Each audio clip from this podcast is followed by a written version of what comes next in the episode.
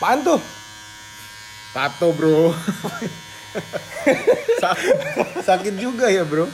Ini alat tato kok malah bulu yang kecabut ya? Lu, lu pingin tatoan atau pingin nge-shave? alat ini nih cukur jenggot. Aduh. Mirip ya sama Mirip-mirip alat bunyinya tatoan ya? sama alat tato. Nah, kenapa hari ini kita gaya-gayaan seakan-akan kita mau tato karena hari ini kita mau belajar dari Alkitab tentang tato. Tato. Ada nggak sih di Alkitab itu bicara tentang tato? Oke. Nah, tapi sebelum kita mulai, kita mau disclaimer sedikit bahwa di sini tuh kita beneran belajar dari Alkitab. Apa yang Alkitab bilang? Waduh, bulu-bulunya berontok. Iya. Aduh. Iya, Bulu-bulu apa aktif- itu? Shaver aktif soalnya. Waduh, bahaya nih. Rutin dipakai. Iya iya iya iya. Oke. Anyway, kita mau disclaimer sedikit bahwa eh, kita belajar Alkitab dan kita mau kasih tahu apa yang dibilang Alkitab tentang tato ini. Yes. Tanpa kita mau eh, mau jokin orang yang bertato atau kita mau bikin seneng orang yang bertato. Iya. Ini nggak ada tujuan apa-apa ya. Jadi karena Memang banyak yang tanya, banyak yang pengen tahu. benar. Terus eh, Boleh nggak sih kak Iya. tato eh, apa namanya di Alkitab nggak ada nggak sih tentang tato? Soalnya ada orang yang suka ngelarang orang tato, ada orang yang nggak apa-apa lah tato gitu. Ini sebenarnya kayak gimana sih? Terus di samping itu juga gue sebenarnya punya beberapa temen yang punya tato, Oke. yang eh, apa namanya? Ya nggak cuman lu juga, gue juga punya. Ya, Bahkan temen saudara yang tatoan gitu. Oh juga ada. Jadi di sini kalau kita berusaha nyakitin orang sih mereka akan tersinggung duluan dan akan marah sama kita langsung. Karena mereka juga tahu kita punya podcast. iya. Jadi ya kita di sini nggak untuk eh, apa maksudnya menyerang siapa pun. Nah kita mau belajar langsung dari Alkitab aja. Dan sejujurnya kita pun selama ini kayak saudaraan sama mereka atau temenan Hmm. itu nggak gitu ngeganggu gua juga sih. Ya biasa aja. Jadi memang gua nggak pernah sorot itu, tapi eh, memang eh, pas mulai ada orang yang tanya-tanya, eh coba dong bahas tato dong. Hmm. Terus kita pas coba research salah satunya tuh ada kayak top 20 Bible questions gitu kan. Iya. Wah tato ada. gitu. Salah satunya adalah tato dan dulu tuh gua hampir sempet pengen bikin tato. Oke. Kenapa nggak jadi? eh satu concernnya adalah secara eh, apa namanya kesehatan karena dulu itu gua tuh eh, disaranin dokter untuk rutin donor darah Oh. sedangkan orang yang tato itu nggak bisa donor darah Berarti lu sampai sekarang rutin donor darah? Eh, udah lama enggak tapi berapa bulan yang lalu gue donor darah 6 bulan jadi gua Hatinya baik sih ya. enggak emang harus dikeluarin darahnya kebanyakan oh kebanyakan. gitu jadi gua gua ada ada apa namanya satu kepentingan itu kenapa gua gagal untuk bikin tato waktu itu Oke. terus dulu zaman gue pengen bikin tato gue juga sempet konsultasi sama teman gua yang udah uh, punya banyak tato Oke. jadi gue sempet ngobrol-ngobrol juga nah ini sekarang pengen belajar lebih jelas dari Alkitab Oke. apakah boleh apakah enggak kenapa enggak kenapa boleh kita belajar langsung Yes. oke nah kita mulai dari mana nih Will Kita mulai sebenarnya kalau ngomongin tato itu cuman ada satu ayat di Alkitab. hmm. Dan memang kalau misalnya kita cari ke YouTube ke mana-mana, ini ayat pasti dipakai sampai Oke. orang bosen. oke Tapi em, sebelum kita ke ayat ini, kita mau lihat secara keseluruhan konteks daripada pasal ini. Jangan sampai kita ngambil ayat ini cuma karena sepotong. mau pro atau against sama tato gitu ya. karena dari tadi kita ngomong bahwa kita nggak ada tujuan apa-apa Yes. cuma pengen belajar aja Jangan belajar dan pas kita pelajarin kita lihat konteksnya oh ternyata ini lagi ngomongin ini gitu ya. Kita ke Imamat 19 kita ke ayat 1 sampai 2. Tuhan berfirman kepada Musa, berbicaralah kepada segenap jemaah Israel dan katakan kepada mereka, Kuduslah kamu sebab aku Tuhan, Allahmu kudus. Oke. Oke. Eh, jadi konteksnya kita lihat di sini bahwa Tuhan lagi suruh Musa kasih tahu bangsa Israel biar mereka sadar bahwa mereka itu kudus. Ya. Tuhan itu kudus, jadi umatnya harus hidup kudus. Supaya cocok nih. Jadi ingat ini pelajaran berapa minggu lalu Yes, pelajaran Hukum tentang hutu- hukum keempat. Bahwa di hukum keempat itu Tuhan tuh mau Iya. kita hidup kudus. Eh, kan itu kudus, ingatlah dan kuduskanlah hari Sabat. Tapi poin di situ kan harus hidup kudus. yes. Karena kenapa? Karena kalau hidup kudus kita bisa bedain yang bener sama yang nggak bener. Intinya adalah kita diminta untuk berbeda dengan dunia. Yes. Nah, salah satu caranya adalah pelajaran kita minggu lalu. Kalau belum dengar silahkan didengar dulu. Oke. Nah, ini berarti ini ayat-ayat awal ya dari eh, Imamat 19, ini. Jadi apa pun yang ditulis di bawahnya konteksnya adalah untuk eh, Tuhan memberikan instruksi eh, Hmm. Untuk bagaimana menguduskan. untuk hidup kudus gitu. Oke. Oke. Rupanya di ayat 28 dia ada sebut. Nah, ini nih yang ayat sering orang ngomongin kalau masalah tato. Ini ayat tentang tato nih. Iya. Oke. Imamat 19 ayat 28. Janganlah kamu menggoresi tubuhmu karena orang mati dan janganlah merajah tanda-tanda pada kulitmu. Akulah Tuhan. Nah, kalau bahasa Inggrisnya dia ngomong you shall not make any cuttings in your flesh for the dead nor print any marks upon you I am the Lord. Dan kalau kita lihat di NIV yang barusan gue baca tadi kan King James Version, NIV itu lebih uh, uh, New International Version itu ngomongnya bukan marks tapi tattoo Hmm. gitu. Udah langsung ya. Ya, tapi anyway, uh, walaupun gak disebut kata tato, kita tahu kalau tato itu akan um, Marks your skin, marks your skin, your body. uh, Oke. ada goresan dan sebagainya. Ya. Cuman kalau memang kita lihat konteksnya di ayat ini, Hmm. memang pada zaman dahulu itu orang-orang yang menyembah berhala, pada saat ada keluarganya yang meninggal Hmm. dan mereka sayang, mereka harus make tato itu, gitu. Hmm. Jadi untuk uh, part uh, untuk menjadi bagian dari penyembahan berhala itu. Oke. Dan Tuhan bilang, eh bangsa Israel kamu umat Tuhan, kamu itu orang yang kudus, kamu tidak boleh ikutin tradisi orang sebelah. Kalau ada yang meninggal nggak boleh. Ya udah kamu gak usah tato apa-apa gitu. Oke. Jadi eh, banyak juga akhirnya yang bilang, em, ya itu karena konteksnya itu kan kita juga sekarang tatoan kagak untuk menyembah berhala gitu. Benar. Nah, Gimana tuh cara jelasinnya bahwa ya itu kan dulu Tuhan ngingetin ke bangsa Israel supaya salah satunya jangan menyembah berhala karena dengan tato di zaman dahulu itu artinya penyembah berhala.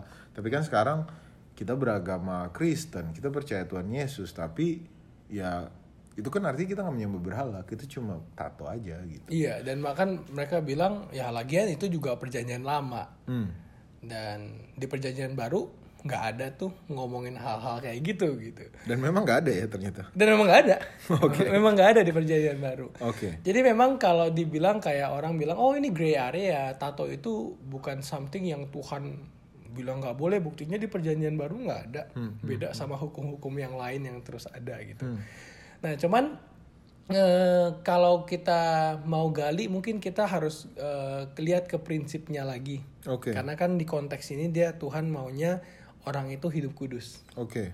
ya kan dan hidup kudus itu rupanya eh, bagian dari hukum keempat jadi masih bagian dari 10 hukum jadi kita akan coba lihat dari sisi ada nggak sih di perjanjian baru bahwa Tuhan ngomongin tentang 10 hukum Oke. gitu Ah, nah kita coba lihat di Matius 5 ayat 17 Janganlah kamu menyangka bahwa aku datang untuk mendiadakan hukum Taurat atau kitab para nabi.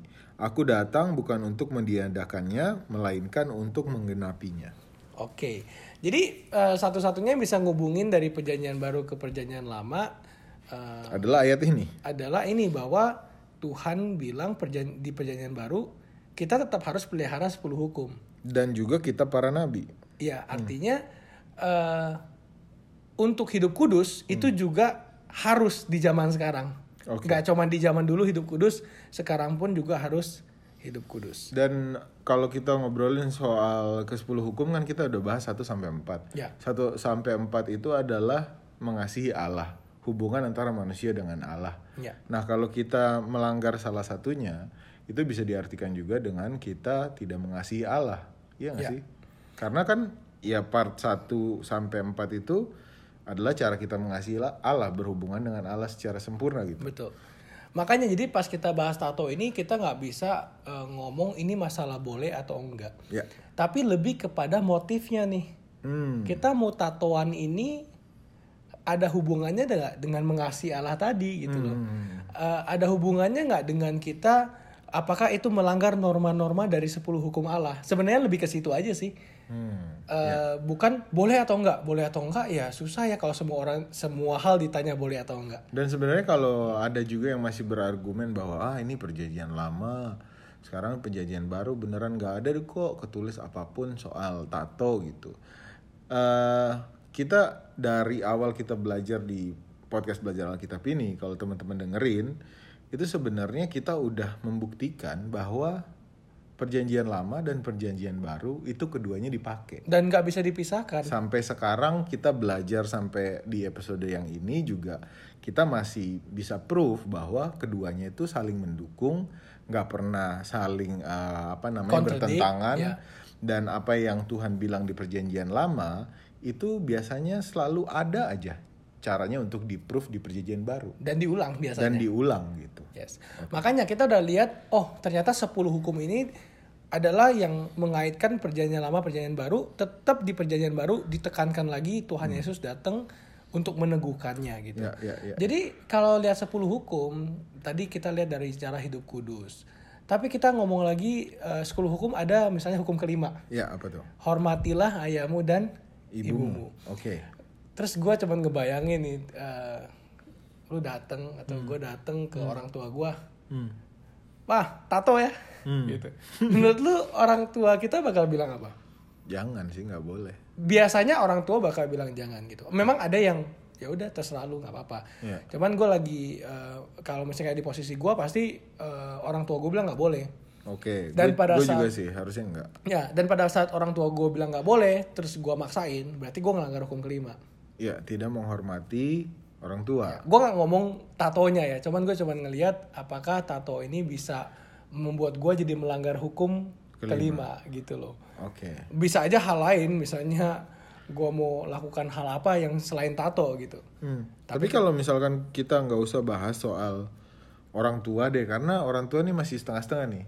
Mungkin orang tua kita ngelarang, tapi ada orang tua lain yang nggak ngelarang, bebasin. Atau orang tuanya juga sebenarnya udah bertato, jadi ya udah anaknya boleh gitu. Nah, ada nggak kayak misalnya ya gue kan motifnya beda nih, bukan soal melawan orang tua gitu. Gue bahkan put nama orang tua di tato gue kayak gimana tuh motifnya? Sebenarnya yang yang kalau motifnya benar apakah benar gitu? Apakah boleh gitu?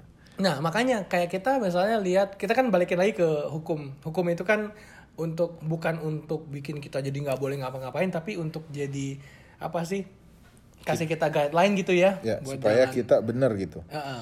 dan mungkin kita lihat hukum pertama deh oke Jangan ada padamu, padamu Allah lain di hadapanku oke Lalu pas kita mau tato, Hmm. yang pertanyaan pertama kita tanya adalah Tuhan, em, apakah dengan saya tato, tato hmm? Saya put God first gitu? Karena kan Hmm. hukum ke satu kita waktu itu udah belajar beberapa minggu yang lalu. Inti di situ adalah menjadikan Allah yang pertama dan kita yang kedua. kita lebih kecil Kita lebih kecil, Allah yang logika dan pemikiran kita lebih kecil kita harus lebih mengutamakan apa yang udah dipesankan Allah dan kita harus lakuin Betul. Jadi em, mungkin nggak cuman pas tato, apa pun yang kita lakukan kita tanya Tuhan apakah dengan saya melakukan ini saya mengedepankan diri Tuhan? saya sendiri atau Tuhan Betul. saya memuaskan selera keinginan saya atau sebenarnya saya lagi ngikutin apa yang Tuhan mau Betul. Atau apakah motif saya karena nggak cool nih kalau gua nggak tato gitu. Hmm, atau iya sih. Atau bener-bener em, no kalau misalnya kayak oh, gua rasanya nggak cool kalau nggak tato, itu malah ngelanggar hukum kedua. Oh, Ingat nggak hukum kedua kan masalah value kan? ya ngelebe eh, membuat membuat Image, sesuatu, ah. nambahin sesuatu ke diri, baik barang atau eh, apa namanya pamer atau sekarang mungkin ah, tato tujuannya untuk bikin lebih keren.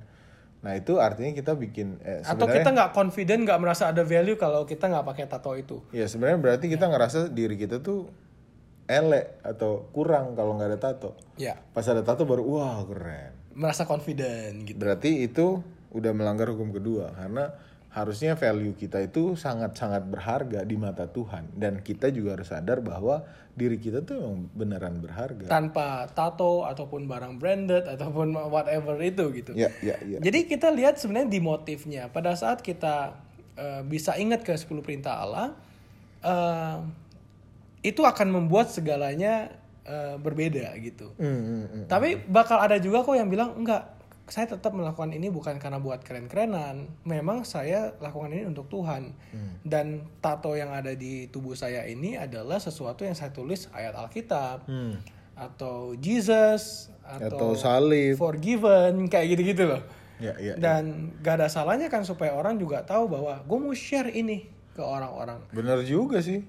Tapi kenapa kita kayaknya arahnya untuk ini ya, nggak boleh tato gitu? Ya. Apa apa apa? Makanya kan lucu kalau kita lihat kayak gini, sebenarnya kalau motifnya bener dan nggak melanggar perintah Tuhan juga kok gitu kan. Kenapa banyak orang kayaknya kesel banget kalau ngelihat orang tatoan kan kayak gitu. Oke, sekarang motifnya adalah untuk memuliakan Tuhan.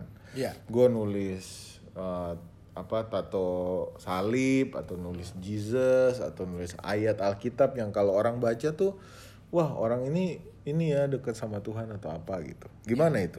Kalau kayak gitu, tatoan itu gue mau nunjukin iman. Itu gimana?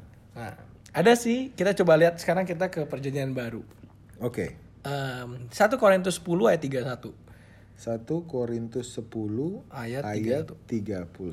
Aku menjawab jika engkau makan atau jika engkau minum atau jika engkau melakukan sesuatu yang lain, lakukanlah semuanya itu untuk kemuliaan Allah.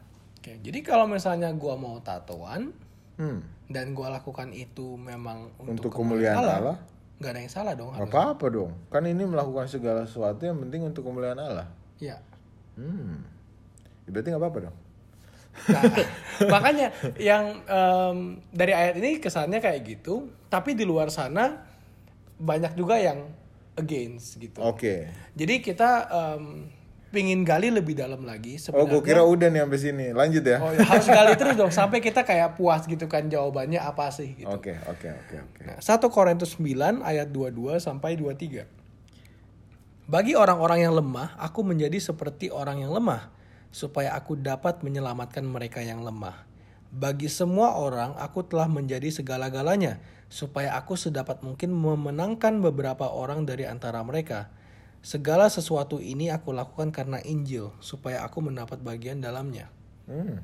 Nah, jadi kenapa gua tatoan? Dengan cara ini gue bisa masuk juga ke komunitas yang bertato supaya gue bisa menyelamatkan mereka, memenangkan Injil. mereka. Ya bisa juga sih masuk juga ini. Ya kelihatannya memang kayaknya nggak ada masalah juga sih dengan tatoan. Ya karena tujuannya untuk memenangkan orang, untuk mengenalkan orang kepada Tuhan. Ya Ya gak sih? kesannya seperti itu. Oke. Makanya em, kita coba gali lihat lagi di beberapa ayat Hmm.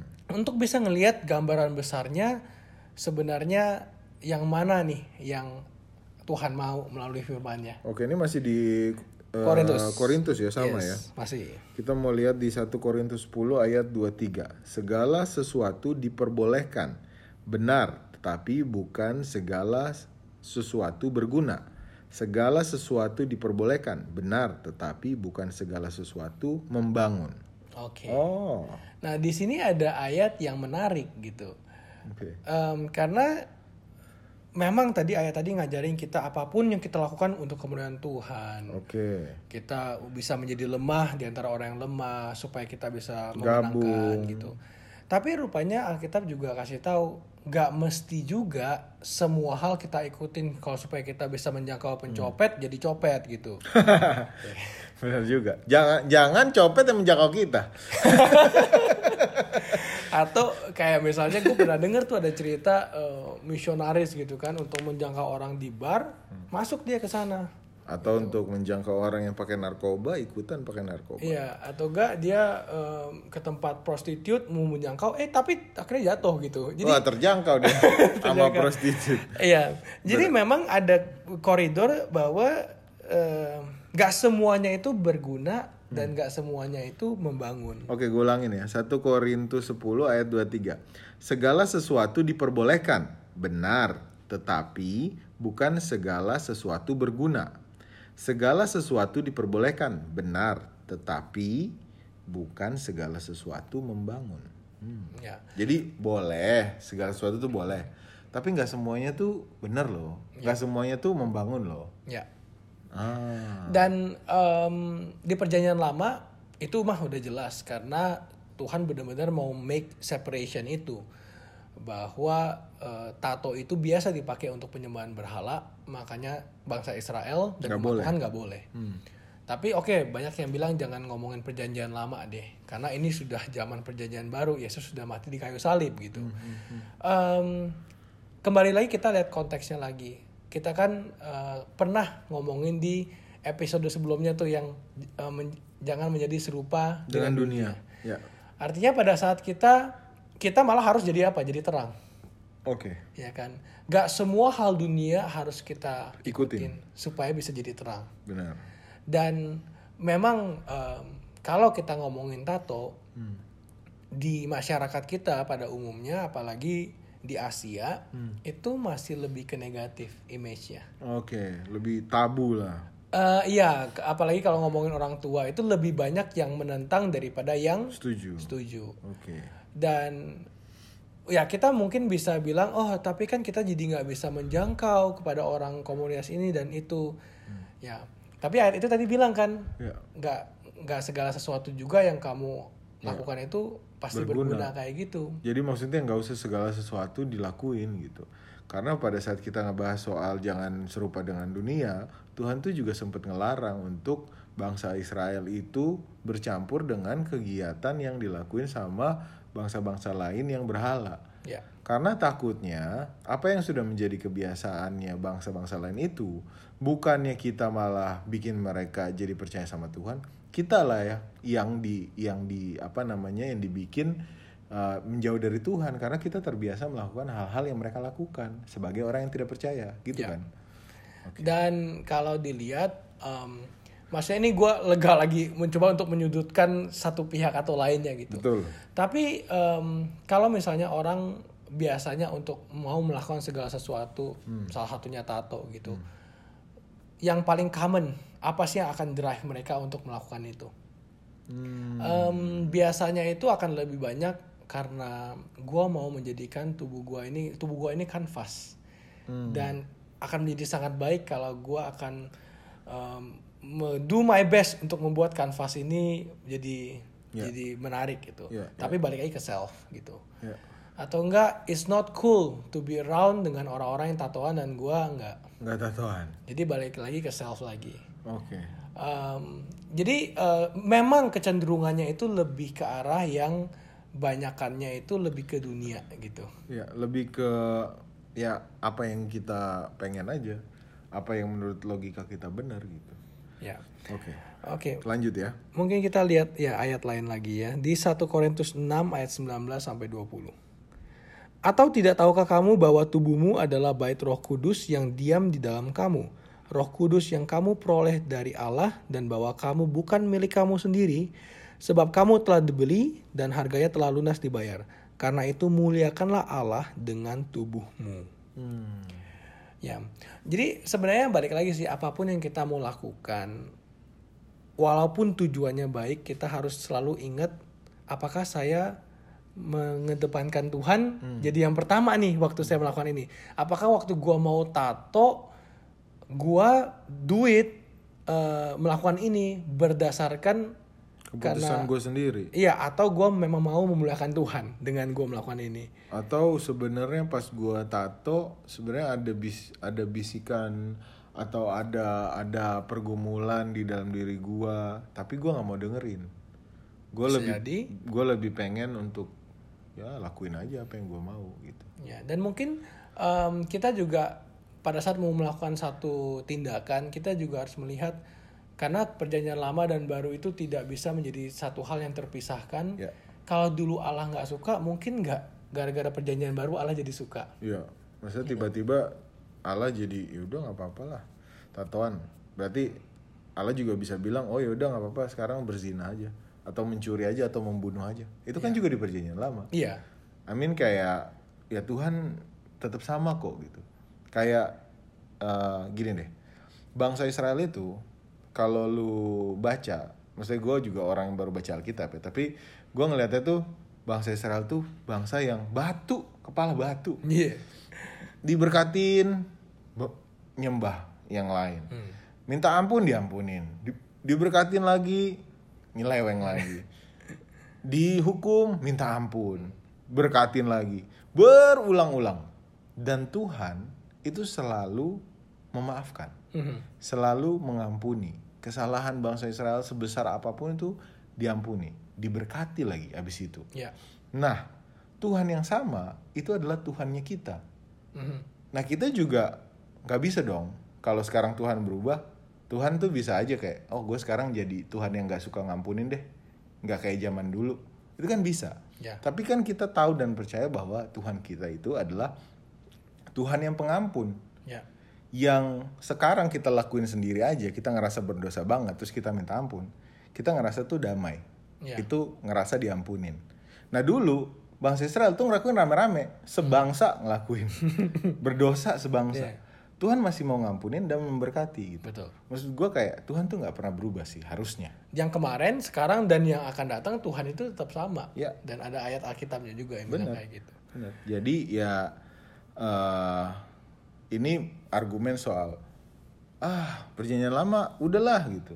Itu tuh itu udah nggak akan kita bahas lagi karena menurut gua ini akan tetap saling mendukung gitu sampai itu sampai bisa dipisahin. sampai nanti Tuhan datang kedua kali juga sama Ya.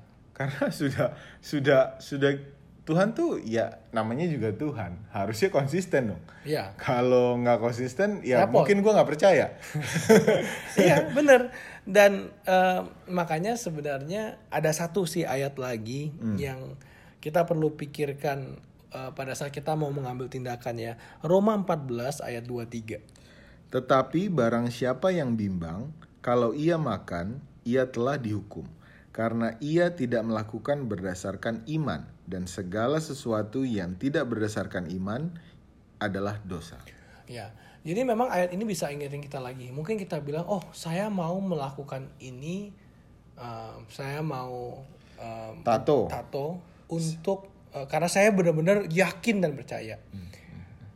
Apa? Saya mau tato, saya mau berbohong karena untuk kebaikan. Saya mau apa namanya ngambil keuntungan lebih supaya perpuluhan banyak. Saya mau eh, makan sembarangan supaya eh, apa namanya saya seneng. Nah, ini keputusan-keputusan ini semua itu kita bimbang nggak dalam melakukannya? atau sebenarnya ada suara kecil yang bilang lu ngapain sih kayak gini Atau sebenarnya kita udah tahu nih bahwa kita tuh ini salah loh. Hmm. Tapi kita ngerasa bahwa tujuan kita tuh lebih benar daripada apa yang udah terasa di hati nurani kita gitu. Kayak oh ini gua keuntungannya kan nanti buat Tuhan gitu. Oh gue bohong kan supaya eh, apa dia nggak sakit hati Ya. itu kan bikin jadi baik gitu. Nah kita tuh tahu ini ini hal-hal yang salah tapi kita do it anyway. Ya. Kalau di sini sih di Roma bilangnya kalau bimbang dan melakukannya itu Dosa. udah dosa. ya dan biasanya paling gampang ngelihat hal ini pada saat kita udah melakukannya kita regret Oke. dan em, kalau kita udah habis itu regret em, biasanya itu kita tahu kita udah melakukan sesu- segala sesuatu yang kita tahu itu salah Hmm. Tapi, kita do it anyway. kita tetap lakukan. ya, kembali lagi sih kita nggak ngomongin masalah. um, jadi boleh tato atau enggak?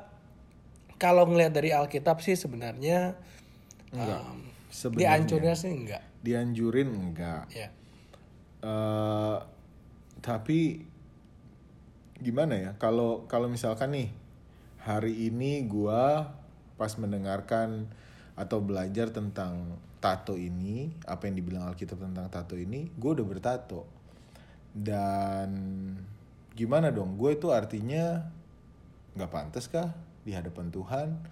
Atau gue berdosa kah? Karena gue ngelihat sebagai sebagai orang yang gak bertato ya, gue ngelihat kadang orang yang bertato pun itu kepribadiannya eh, apa namanya hati nuraninya perilakunya udah gitu tutur katanya kadang lebih baik lebih memancarkan karakter Kristus daripada orang yang gak bertato. Ya itu bener banget karena gue punya teman dan saudara dan gue deket sama mereka mereka tuh orang yang baik. Kalau nggak baik gue juga kagak mau deket Males, gitu kan. Em, makanya di sini kita lihat jadi jadi gimana kalau udah bertato gimana nih? Ya sebenarnya kalau kita ngomong udah bertato atau enggak itu udah masalah lain lagi. Karena kita ngomongin pas gitu kan. Kita udah ngomongin sesuatu yang udah terjadi gitu. Dan kembali lagi kita mikirin lagi kan apa pun yang kita mau lakukan lakukan untuk kemuliaan Tuhan. Kita mau hidup kudus karena kita belajar kalau kita hidup kudus maka kita bisa siap untuk ketemu Tuhan. Kan intinya di situ kita bisa selamat dan kalau eh, masalah orang bertato terus terus dia lagi mi- jadi mikir Tuhan em, kayaknya sekarang aku terpanggil untuk ya berhenti. Berhenti minimal ya. Dia bisa lakukan apa pun yang eh, sesuai conscience atau sesuai hati nurani dia. Contohnya eh, Tuhan cukup tato aku sampai di sini aku nggak bakal nambah lagi. Misalnya gitu. Karena em, kayaknya tubuh ini lebih bagus original dan Tuhan yang desain tubuh ini aku nggak usah nambahin apa-apa gitu. Tapi eh, mungkin juga orang bisa pikir oh em, aku mau remove kan sekarang juga bisa gitu. Tapi remove mahal mahal, ya mahal, dan ada resiko juga. Jadi sebenarnya em, masalahnya bukan di masalah tato kita digimanain. Iya, masalahnya bukan bukan lagi udah di tampilan. Kalau udah emang terjadi, ya, Ya sudah. mau diapain gitu. Ah, tapi kita tahu kan masalah keselamatan itu bukan masalah tato, adalah masalah kita udah minta ampun belum dosa kita sama Tuhan. Ya. Kita udah hidup kudus belum di hadapan Tuhan. Makanya cuman tato ya, maksudnya kayak ya lu udah minta ampun belum? Lu bohong. Ya. Lu udah minta ampun belum? eh, apa namanya nyakitin orang tua. Lu udah minta ampun belum nipu. Itu semua itu itu semua yang membuat kita nanti jadi selamat. Nah, apakah kita sekarang pas kita sadar, pas kita dapat eh, kayak tamparan atau bisikan atau hati nurani kita berkata bahwa ada yang salah dari diri kita, apakah kita sekarang mau untuk minta ampun gak sama Tuhan? ya atau minimal untuk mencoba menggali lebih dalam Tuhan kok ini di hati mulai ada yang Nggak enak nggak ya? enak gitu. Apakah saya akan diemin ini aja atau saya akan coba mempelajari lebih dalam gitu. Oke. Ya, dan kalaupun kita merasa aduh em, karena tindakan apa pun kita mau berbalik sama Tuhan, Tuhan punya janji kok di Yesaya 1 ayat 8. Hmm. Oke. Bahwa dibilang Marilah baiklah kita berperkara firman Tuhan sekalipun dosamu merah seperti kermisi akan menjadi putih seperti salju sekalipun berwarna merah seperti kain kesumba akan menjadi putih seperti bulu domba. Ya jangankan tato gitu loh. Maksudnya dosa kita yang udah merah kayak gitu aja bisa jadi putih seperti salju. Tuhan lebih lihat yang di dalamnya. Ya. Yang di luar ini adalah tampilan dari dalam gitu kan. Dan kalau kita pun nggak merasa menyesal dengan tato tapi udah nggak mau nambah, it's okay. Yang penting eh, kita udah udah apa ya punya hubungan yang kita ngerasa oh udah nih udah nggak ada yang di hati nurani udah juga nggak ada yang ganggu udah minta ampun juga dan kita apa siap lanjutin belajar tentang Tuhan dan apa mencerminkan karakter Tuhan setiap hari gitu Betul.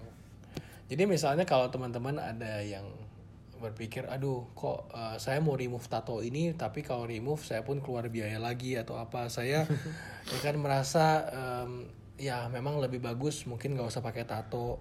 Ya mungkin kita bisa melakukan hal yang lain, misalnya kalau nggak nyaman akhirnya jadinya karena punya tato bisa pakai baju yang misalnya long sleeve Iya gitu di, kan. ya ya ditutupin aja atau kalaupun merasa ya udah kita sudah berdamai juga dengan diri sendiri, udah minta ampun juga sama Tuhan.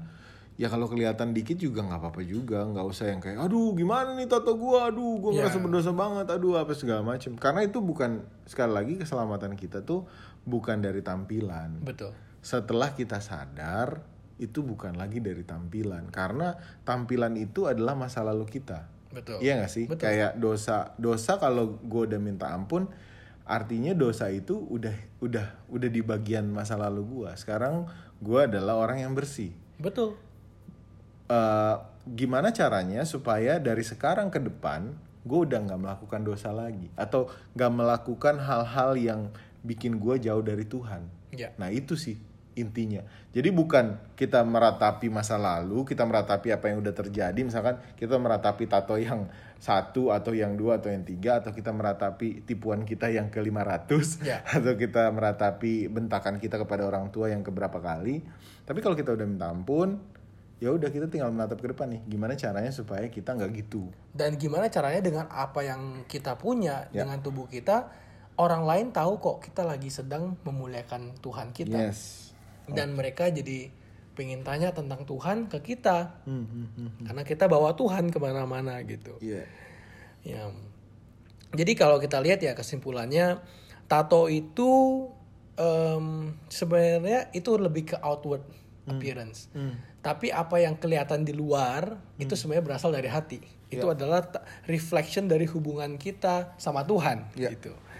Jadi kuncinya tuh adalah untuk jadikan Tuhan yang pertama dalam segala sesuatu. Apakah motifnya memuliakan Tuhan? Apakah saya menjaga bait Allah pada saat saya melakukan ini? Apakah orang first impressionnya bisa langsung mengenal Tuhan dengan saya melakukan ini? Iya. Ya, jadi kalau misalnya kita pikir kita sahabat Allah, kita tahu apa yang Tuhan suka, dan kita ikutin hati nurani conscience itu yang benar, maka pasti jalan yang kita lakukan itu akan lebih plong dan nggak ada regret gitu. Ya, ya, ya, Ya. ya, ya. Ya semua dari perilaku dan hati sih. Betul. Dan dan nggak usah terlalu mandang pendapat orang juga karena Tuhan sebenarnya yang mandang kita. Maksudnya kayak Tuhan yang punya penilaian yang real tentang diri kita masing-masing. Jadi kadang kayak misalkan gue nih, gue kan nah, masa lalunya juga berantakan gitu. Kalau gue ketemu orang-orang yang tahu masa lalu gue, Ya. dan sekarang gua nggak mau lagi melakukan apa yang seperti ada di masa lalu gua biasanya ada orang-orang yang suka ngejudge juga ah so suci lu ah udahlah pen. Sama aja lu nggak ada nggak ada perubahannya. Itu kita nggak jangan down di situ. Jangan jangan jadi orang yang kayak ada orang yang bakal komen ah orang tatoan mah nggak mungkin lah ini sama Tuhan. Ah lu dari tampilan lu aja udah nggak pantas itu nggak usah didengerin karena sebenarnya asalkan kita udah minta ampun berdamai sama Tuhan penilaian yang sebenarnya itu cuma dari Tuhan Betul. dan orang-orang yang sebenarnya kenal kita yang sayang sama kita itu sebenarnya yang nggak akan bilang kayak gitu Betul. kalau orang-orang yang eh, tahu kita berubah tapi malah menjatuhkan kita itu artinya dia bukan orang yang deket sama kita dia nggak kenal sama kita Yes. dan artinya kita nggak perlu juga deket sama dia gitu maksudnya kayak, negativity lebih banyak dibanding kayak positivity-nya gitu Betul. Jadi kalau memang kita eh, sebenarnya dari lingkungan kita kan bisa merubah itu juga. Oh kayaknya ini lingkungan sudah nggak cocok karena saya udah arahnya pengen deket sama Tuhan. yes Ya memang hard truthnya kita harus cari lingkungan baru Hmm, hmm. untuk bisa bertumbuh gitu. Oke, baiklah. Nah itu ya, berarti kita hari ini udah belajar nih tentang apa yang dibilang Alkitab tentang tato. Yes. Dan kita akan belajar lagi minggu depan tentang merokok. Oh, Aduh, kalau merokok, kalau merokok dari dari sekarang aja gue udah against. Jadi udah udah subjektif gitu. Iya, gue udah kayak gue nggak bisa menilai bahwa orang yang merokok itu ada positifnya. Kalau gue ya Karena tanpa ayat Alkitab pun itu sudah banyak negatifnya. Bahkan di bungkus rokoknya aja udah tertulis rokok Dapat membunuh, iya, dapat menyebabkan- penyakit jantung, kanker, lalalalalala. Tapi supaya orang-orang yang untungnya gue senakal-nakalnya gue nggak pernah ngerokok karena suka suka. dulu gue punya pengalaman eh, di mana bokap gue itu perokok Oh aktif iya yang bener. parah banget sampai gue ngeliat ini apa gunanya sebenarnya Hmm. dan gue udah terganggu jadi kayak gue dulu minum alkohol gue dulu nakal apa segala macam tapi gue nggak pernah nyentuh rokok Oke. jadi kalau gue kalau soal rokok gue udah gue udah sisi yang berbeda. Oke, itu kita bahas minggu depan. Tapi gue punya banyak temen yang merokok. Oke. Nanti kita bahas minggu depan ya. Apa sih sebenarnya kata Alkitab, kata Tuhan tentang rokok yang masih nggak bisa dibilangin sama bungkus rokok. Ini kita sekarang bilangin dari belajar Alkitab. Kita. Oke. Oke, terima kasih. Kita doa kali ya. Oke. Tuhan Yesus, terima kasih Engkau telah memberkati kami, Engkau memberikan pelajaran tentang tato Tuhan, Engkau memberikan pelajaran tentang bagaimana kami harus uh, tampil di hadapanmu Tuhan, membuat Engkau lebih besar, kami kami kecil Tuhan, kami tidak mengandalkan diri kami, pemikiran kami, tapi biarlah Roh Kudus terus berbicara dalam hati kami Tuhan. Tuhan, biarlah Engkau mau mengampuni dosa dan kesalahan kami agar kami layak di hadapanmu Tuhan dan biarlah hubungan kami denganmu yang akan menyelamatkan kami pada nantinya. Tuhan, terima kasih. Ampunilah dosa dan kesalahan kami. Dalam nama Tuhan Yesus Kristus, kami laskan doa ini. Haleluya. Amin. Kekuatan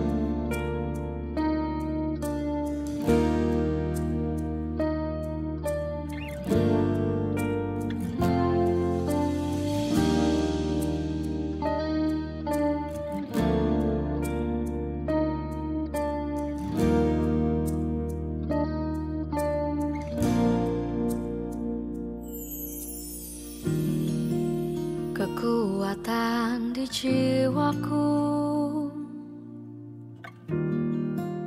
Ketenangan batinku. Ada dalam hadiratmu Ku menyembahmu.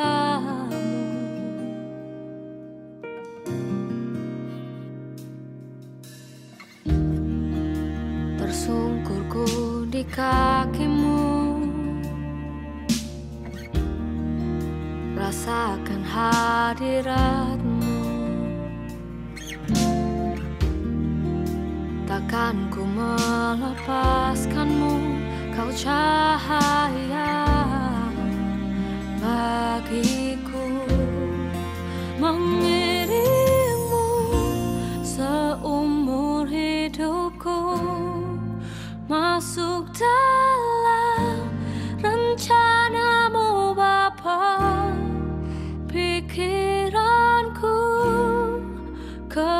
kehendakku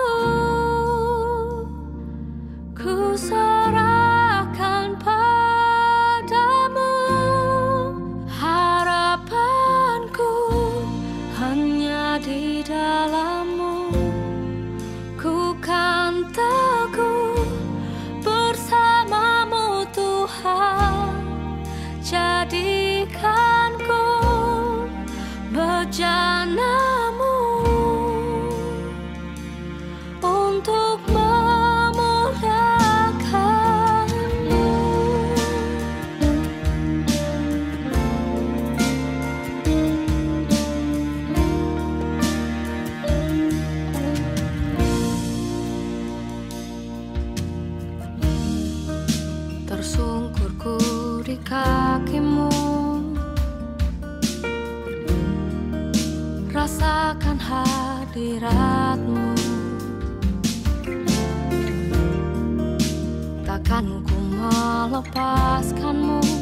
Kau cahaya bagiku